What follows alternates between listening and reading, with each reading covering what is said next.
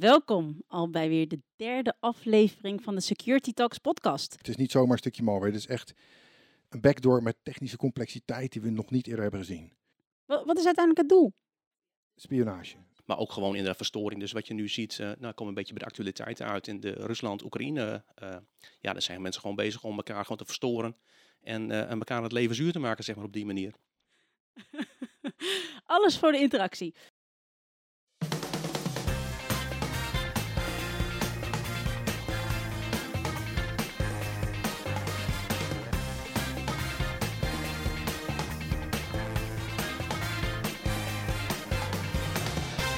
Luisteraars, welkom al bij weer de derde aflevering van de Security Talks podcast.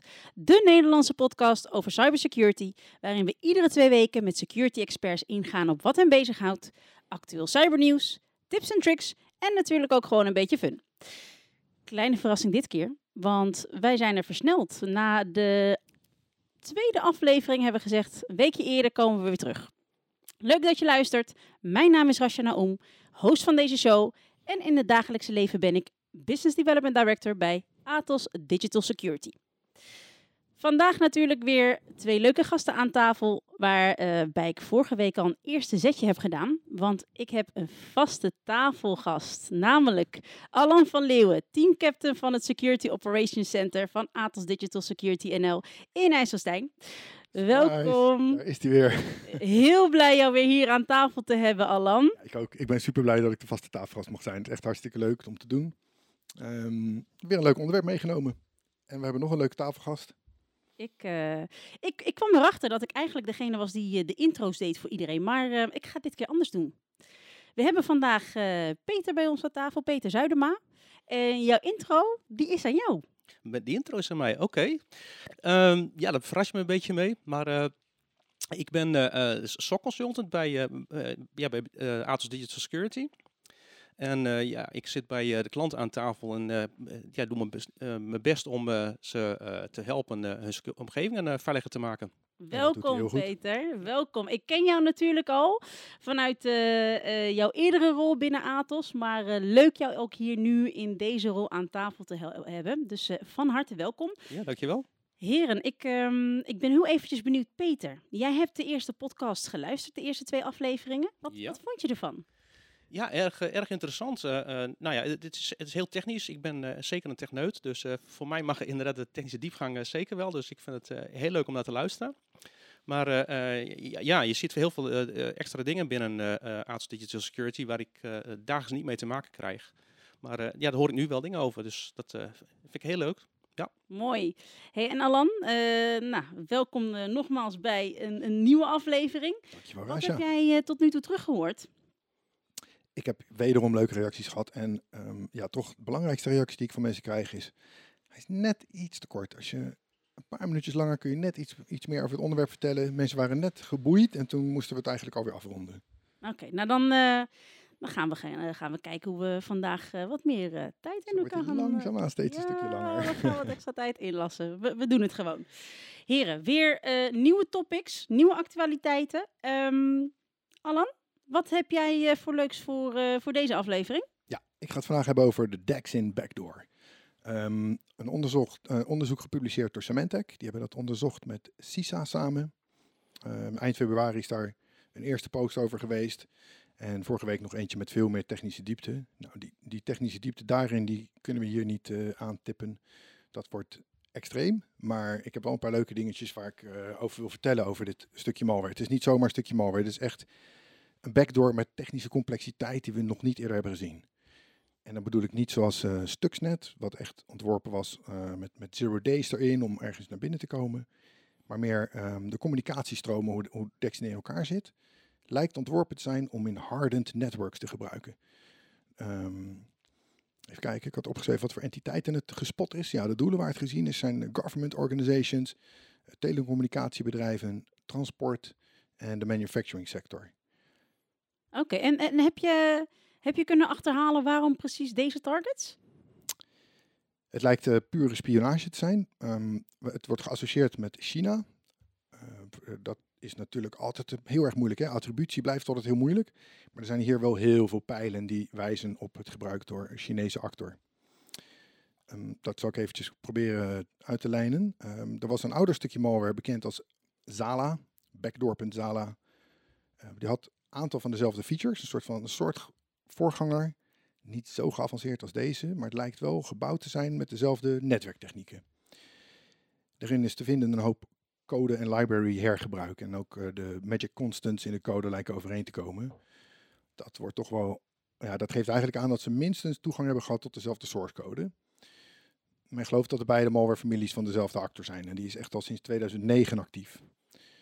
Um, daarnaast zijn er op een aantal. Uh, ze hebben een instant response gedaan op een aantal plekken waar dit gevonden is. En op de plekken waar de malware werd aangetroffen, uh, vind je dan vaak nog andere onderdelen van de toolset van zo'n aanvaller. En daar werden spullen gevonden die ook weer geassocieerd werden met Chinese spionageactors. Uh, onder andere het gebruik van bijvoorbeeld Trojan Owl Proxy. Die uh, geattributeerd wordt aan Slug, en dat is een Chinese threat actor. Even uit nieuwsgierigheid, Alan. Hoe, hoe, hoe snel wordt deze malware gedetecteerd? Is daar wat over te lezen? Um, dat, kijk, het bestaat al jaren waarschijnlijk al sinds 2009 de eerste versies, 2013 met de geavanceerde feature set. Zitten ze al heel lang in bepaalde netwerken en nu pas is het boven water gekomen. Tot die tijd heeft het gewoon in netwerken gezeten, heeft niemand het kunnen detecteren. Nu het bekend is, is het makkelijker te detecteren. Het zal lastig blijven. Als hier een, een, nieuwe versie van gecompileerd wordt met, met nieuwe hashes en dergelijke, wordt het heel lastig. Wat is namelijk het, het vernuftige aan deze malware? Um, het kan gebruik maken van bestaande TCP-verbindingen. Die kan het hijacken. Dus je hebt bijvoorbeeld aan de buitenkant van je netwerk één geïnverteerde machine, die is internetfacing. Daar kan de attacker uh, zijn command en control commando heen sturen. Die node kan bijvoorbeeld um, een bestaande SQL-verbinding die naar de binnenkant van het netwerk loopt, naar een SQL-server, naar een database-server, kan die hijacken en over die bestaande verbinding commando sturen naar de volgende node die ook weer over een hijack TCP connection met de volgende node communiceert, et cetera, tot je aankomt bij de uiteindelijke machine waar bijvoorbeeld de data staat waar ze achteraan zijn. Uh, en het, het, gebruik van die bestaande TCP-verbindingen maakt het enorm moeilijk om dat te detecteren. Je ziet de gewone stroom van data die er normaal ook doorheen gaat. Heel vernuftig. Echt heel bijzonder. En ja, het, het, je ziet ook, het, uh, sinds 2013 samples die dezelfde geavanceerde feature set hebben, niet gedetecteerd. Dus negen jaar onder de radar. Maar dan, dan denk je, oké, en nu? Wat, wat, wat, wat, gaan we hier tegen doen dan? Valt er wat tegen, tegen te doen? Of is dit... Uh, het blijft natuurlijk heel lastig. Dit zijn aanvallers van, van de allerhoogste orde. Heb je hiermee te maken, dan zal het altijd een lastige strijd zijn. Um, dat gezegd hebbende, uh, even nadenken. Hoe zou, wat zou je hier nou echt goed tegen kunnen doen? Daar had ik wel even bij stilgestaan, maar ik kan eigenlijk niet echt... Waar, waar, waar, waar, zijn ze eigenlijk op uit? Is het, uh, is het uit... Wat het, ja, het is malware, maar spionage. Ja, dus geen, echt... geen, uh, geen ransom uh, die wordt gevraagd. Alleen maar data ophalen en... wat, de verkoop in? Of? Ja, dat zie je met name aan de targets. Hè. Dus de, de, de government organizations, telecommunicatiebedrijven. Dat is echt pure, pure spionage vanuit, nou, wij denken China. Maar die links die zijn wel heel duidelijk. Dus ik zou er wel geld op durven zetten. Ja, klinkt inderdaad uh, heel aannemelijk. Uh, ja, inderdaad wat jij ook vroeg van hoe we iets detecteren. Normaal gesproken zou je in een netwerk iets van een detectie neerzetten die uh, de normale stromen meet, zeg maar, en daar de afwijkingen ziet. Maar ja, als zo'n tool echt van dit hoge kaliber de gewoon bestaande omgevingen nadoet, ja, dan is het heel moeilijk. wordt heel dus, lastig. Ja. Ik heb me wat verder ingelezen op die technische details in het tweede artikel van Symantec. Daar zie je dat die in die hijack TCP connection wel een uh, soort, soort magic string probeert te sturen, die herkend moet worden. Dat zou je dus eventueel met een IDS-systeem kunnen detecteren. Dat, dat patroon op het netwerk. Ja. Is dat dan, even voor mijn beeldvormingen, is dat dan een andere manier van detectie dat, dan dat je normaal gesproken zou gebruiken voor malware detectie? Is dat on top of dan weer? Je, je moet eerst weten waar je naar zoekt. Um, in dit geval is er nu bekend dat deze versies van de malware een bepaalde magic string gebruiken om die communicatiestroom op te zetten. Nu kun je dat detecteren, maar misschien maken ze volgende week weer een andere versie. Dat is natuurlijk heel lastig. je zegt het, hè? weet wat je zoekt, maar je weet het niet. Natuurlijk moeten ze, het, dit is alleen uh, de backdoor die men plaatst. Men moet eerst natuurlijk code kunnen uitvoeren op een machine, bijvoorbeeld de webserver uh, waar het verhaal vaak begint, voordat je dit kan planten. Ja, en dat blijven toch de geëikte methodes vaak, waardoor ik niet anders kan adviseren dan standaard security hygiëne toe te passen. En let vooral op je logging, Of laat dat door een professional doen. Hint, hint. Nice, dankjewel Alan. Ehm dan ben ik heel even benieuwd. Gaat, eh, gaat er nog meer komen uit jouw hoek? Of ga ik langzaam richting Peter manoeuvreren? Ik kan in ieder geval aanraden om even naar de Semantic website te gaan. Kijk daar ehm, naar het artikel. Is leuk om te lezen. Het is gewoon interessant. Eh, ook de IOC's zijn daar te vinden. Dus de, de bekende file hashes en file names die geassocieerd worden hiermee. Ja, zoals ik zeg, die dingen veranderen. Dus hoeveel, hoeveel heb je daar echt aan? En je zei eh, IOC's, dat zijn natuurlijk de indicators of compromise. compromise dat zijn eh, eh, ja, dingen in het netwerk die je dus eh, kunt waarnemen, IP-adressen, hashes van systemen. Dus dat, eh, eh, daar kun je detectie op, eh, op uitvoeren. Heel goed, eh, Peter. Ja, stukje beroepsdeformatie. Ik vergeet Ja. vaak dat niet iedereen bekend is met dezelfde terminologie. Ja, de, als we spreken over de IOC's, zijn dat indicators of compromise. Mooie aanvulling op elkaar. Top, heren. N- Toch één vraagje nog, Alan. Ja. Zijn er al voorbeelden van eh, Nederlandse eh, bedrijven of, of, of hebben we deze vorm van malware al in Nederland gespot?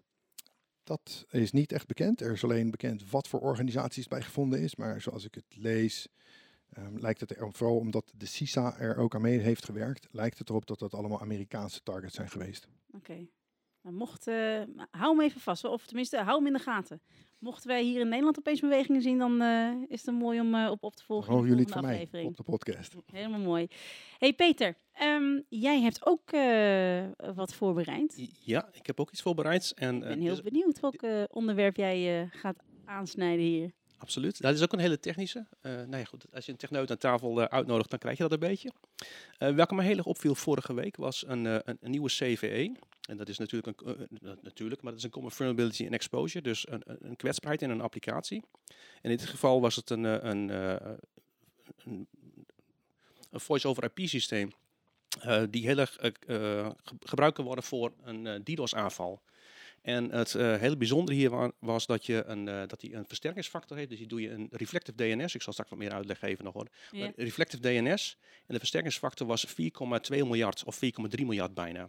Tjoe. Dat hou- Dat houdt in, dus als je een klein vraagje stelt, krijg je 4,3 miljard keer zoveel informatie terug. Dus als je die service weet te misbruiken, kun je dus, eh, nou, het is ook nog UDP-verkeer, dus je kunt het ook nog spoeven.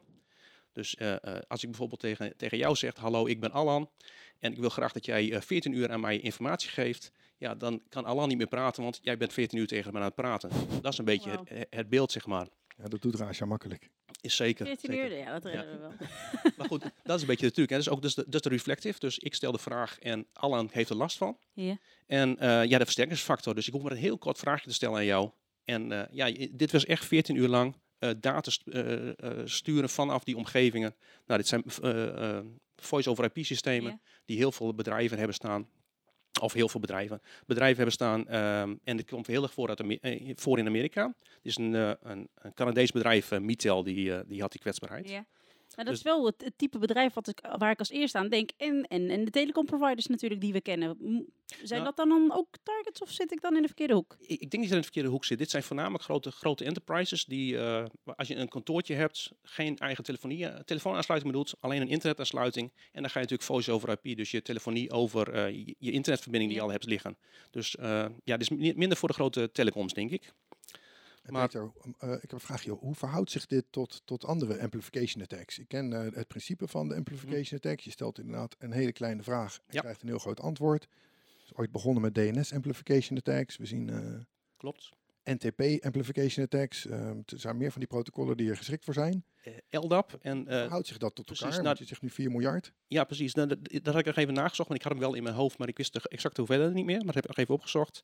De vorige grote was van 2018, was Memcached. Dat is een, een caching server gewoon op het internet voor eh, webservers. En die had een implication factor van 51.000 keer. Dus dit is echt een miljoen keer bijna groter. Hè? Nee, dat is niet overdrijven. Eh, 100.000 keer zo groot. Dus dat is echt een enorme hoeveelheid. eh. Ja, Memcache was volgens mij alweer veel groter dan de DNS-aanvallen. D- Dat was toen de nummer één. En ja, nu gaan we de factoren overheen. Dat is eh enorme hoeveelheden verkeer. Bizar. Betekent dus dat je Ja. met een, een hele eenvoudige kleine internetverbinding kun je een hele grote webserver tot zijn knieën brengen. Absoluut, absoluut. We hebben ook al eh, in, het, in het wild zijn er eh, eh, dit soort aanvallen al waargenomen. Dus dit is, dit is een eh, bevinding van mid-februari. Toen is er al een, eh, op een, eh, ja, bij een ISP heeft eh, 23 gigabyte eh, aanval gekregen. Dus dat zijn, dat zijn zeker hoeveelheden eh, waar heel veel bedrijven van onder, op de knieën gaan. Ja, dan mag je een aardige pijplijn neerleggen. Wil Ja. je daar nog tegen kunnen? Absoluut. Maar ook, ook hier ben ik dan even nieuwsgierig, Peter. Wat, wat, wat is uiteindelijk het doel? Dan komt zo'n attack. Is het, is het gewoon echt versto verstoren van, eh, eh, van de dagdagelijkse orde? Dat, dat, kan, dat kan zeker. Eh, wat je ook hebt is eh, de ransomware. Dus dan, dan doen ze een, eerst een testaanvalletje. En dan Ja. sturen ze een, e-mailtje van... Nou, gisteren hebben jullie een uurtje onderuit gelegen. Dat hebben wij gedaan. Weer het niet weer hebben de komende drie, vier maanden. Dan stuur maar een paar bitcoin. Dus dit is zeker ook een ransomware mogelijkheid zit er. Maar ook gewoon in de verstoring. Dus wat je nu ziet, nou komen een beetje bij de actualiteiten uit. In de Rusland-Oekraïne. ja, daar zijn mensen gewoon bezig om elkaar gewoon te verstoren. En, eh, en elkaar het leven zuur te maken, zeg maar, op die manier. Ja, de online casino's zijn heel veel targets van, eh, van die ransom-methode, inderdaad, met DDoS aanvallen. Want een online casino heeft niets anders dan zijn website als inkomstenbron. Ja. Eh, die kunnen soms een uur offline zijn, dat kan al honderdduizenden euro's kosten. Ja, als dan iemand dreigt, geef mij 10.000 dollar of ik zet je site een paar uur plat. Dus een eenvoudige beslissing voor de, voor de finance directeur natuurlijk. Absoluut. Ja. Ik heb even geen voorbeelden op mijn netvlies, maar heb je die? Eh, nou, niet specifieke online casino's, maar dit is ook niet informatie waarmee ze naar buiten komen, want ze betalen het gewoon. Ja. Het, is- ja, het is bekend in de industrie dat, dat dat een favoriet target is, omdat ze A, geld hebben en B, het heel duidelijk is dat als de website plat ligt, er geen inkomsten zijn. En, en ja, ik denk sowieso elke e-commerce omgeving heeft hier gewoon eh, een heel groot probleem mee. Dus eh, elke paar minuten outage van een bol.com of iets dergelijks, ja. dat kost gewoon geld. Ja, Bol zal, zal vast ook zulke dreigementen binnenkrijgen, zeker weten. En wat voor ehm, wa- wa- z- zien wij meest voorkomende preventiemaatregelen die worden getroffen of waar bedrijven voornamelijk zich op richten als het gaat om dit soort type aanvallen om die te weren? Ja, er zijn zeker oplossingen voor. Eh, nou ja, vanuit het, eh, het oude motive, ik zal even de oude termen, maar we hebben natuurlijk, uh, Security is het nu, maar oude motive heeft vooral een cloud oplossing. eh, en wij als Atos hadden een, zelfs een on-prem oplossing. eh, dus gewoon in ons netwerk staat een apparaat die eh, hier heel goed mee overweg kan. En dit soort aanvallen blokkeren.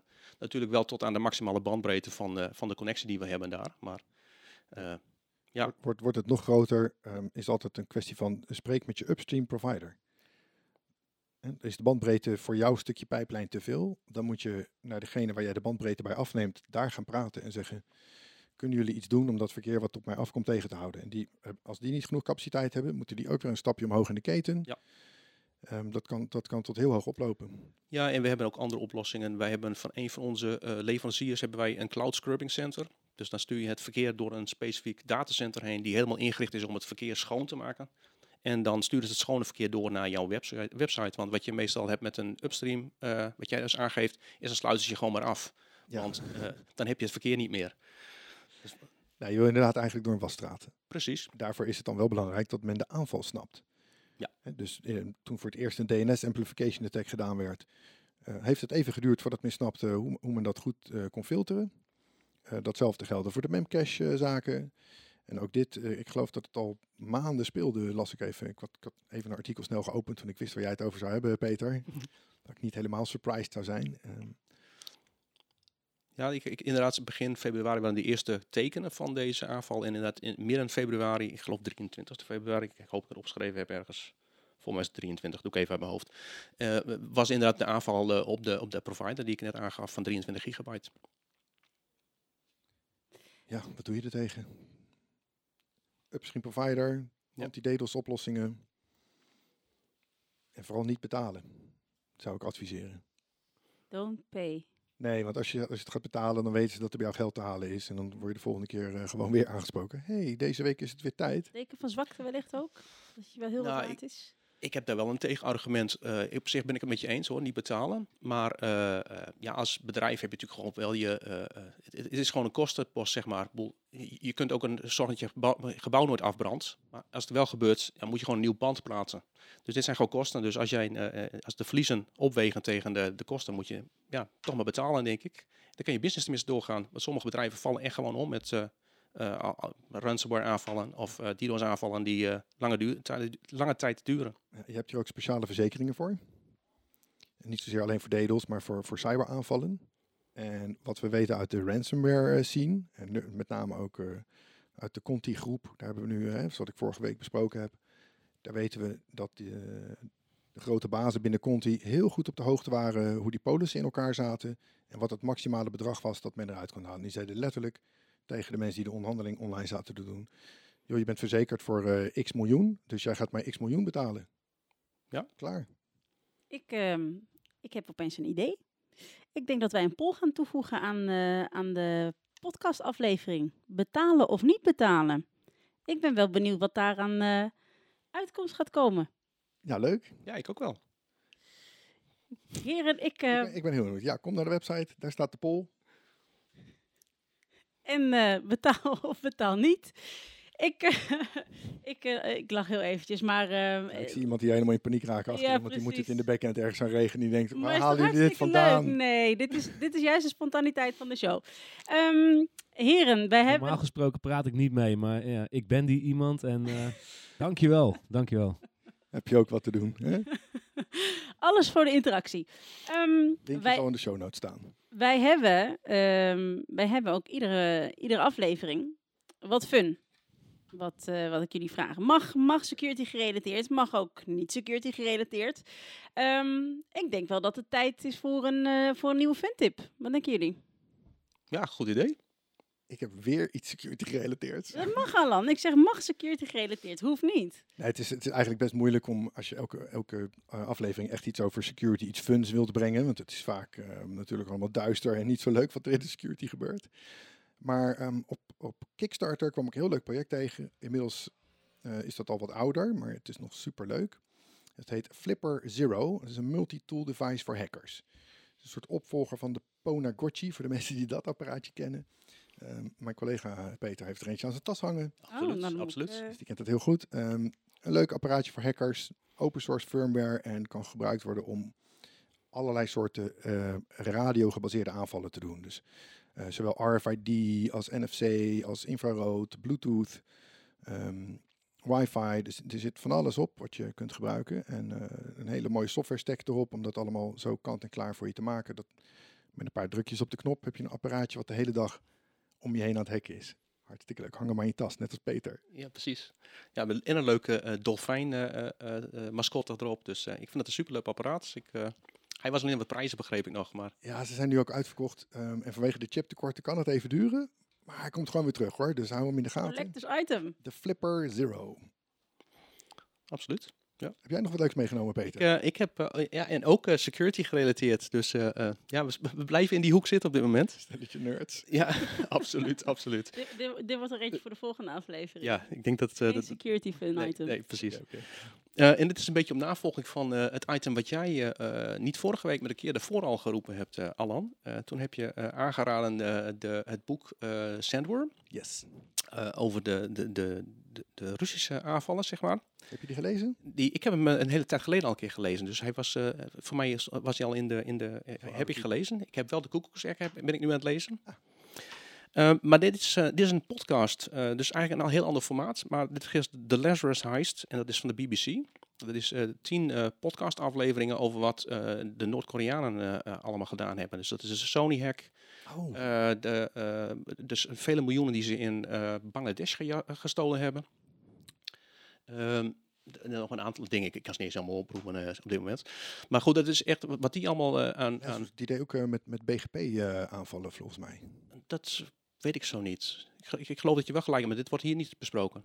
Maar eh, dit ging inderdaad, nou ja, eh, Noord-Korea heeft eh, de rare eigenschap dat ze zowel een statelijke actor zijn, maar ook heel veel achter het geld aan zitten. Want ja, ze hebben heel weinig economie. Oh, Dus dat is heel bijzonder om dat op die manier te lezen en eh, naar te luisteren in dit geval dan. Dus eh, dat is mijn, eh, mijn tip. Leuk. En ik denk hou dat de, de link ook maar even in de show notes. Hè? Top, dank jullie wel. Dan, ehm, dan is het alweer tijd. En dan zijn we denk ik alweer gekomen aan het einde van deze derde aflevering van de Security Talks podcast. Vol- volgens mij was het de bedoeling dat ik je ook nog zou vragen of, of jij nog een leuke tip had, Rasha. Heb jij nog Oh een leuke tip voor ons? Oh Misschien jee. kunnen we dan toch iets, iets vinden wat niet security gerelateerd is. Ja, hier komt de niet-nerd dan om de hoek. Ehm, heb ik een leuke tip? Nou, in alle eerlijkheid, ik ga dus met vakantie. En ehm, ik, eh, ik kies altijd weer een nieuw boek uit op Schiphol. Dus ik heb eh, hopelijk een leuke leestip bij terugkomst, dus bij de volgende podcast. Ik heb wel een, een, een gouden ouwe uit de, uit de DVD-collectie gepakt eh, vorige week. Eh, en het was Catch Me If You Can. Kennen jullie die nog? Oh, die ken ik zeker, ja. Nou, moet je me even helpen herinneren. die- Hij, hij komt mij vaag bekend voor, maar ik kan hem even Oh, niet nou plaatsen. ja, het, is, het is niet security gerelateerd. Mooie, mo- mooie, mooie film over frauduleuze praktijken in, eh, god wat was het, is het jaren 50? Ehm, met Leonardo DiCaprio. Zeker de moeite waard. Lange, wel een lange film, dus je moet er wel Ja. even voor zitten. Maar... Social engineering eh, trucken, heel leuk. Ja, erg mooi. Het is gebaseerd op een, eh, op waar, Ja, gebeurd waar gebeurd verhaal. Of in ieder geval waar, waar- Ja. een persoon uit wie- de geschiedenis. Die Wie het echt zegt, hij werkt geloof ik tegenwoordig bij de FBI als, eh, info, eh, als Dat zou me niet specialist. Ja. Dus eh, dat, eh, nou goed Alan, ik ga me voortaan voorbereiden op ook een funtip dan eh, voor de show. Catch me if you can. Oké, Inderdaad. Nou, dan, ehm, ja, dan hopen we natuurlijk dat jullie uiteraard ook deze eh, aflevering eh, hebben weten te waarderen. Dat jullie hebben genoten van het luisteren. En over twee weken zijn we er weer. Nieuwe collega die gaat aansluiten. Alan is sowieso van de partij. Nieuwe eh, onderwerpen en nieuw cybernieuws. Ik spreek jullie, of wij spreken jullie over twee weken weer. tot over twee weken.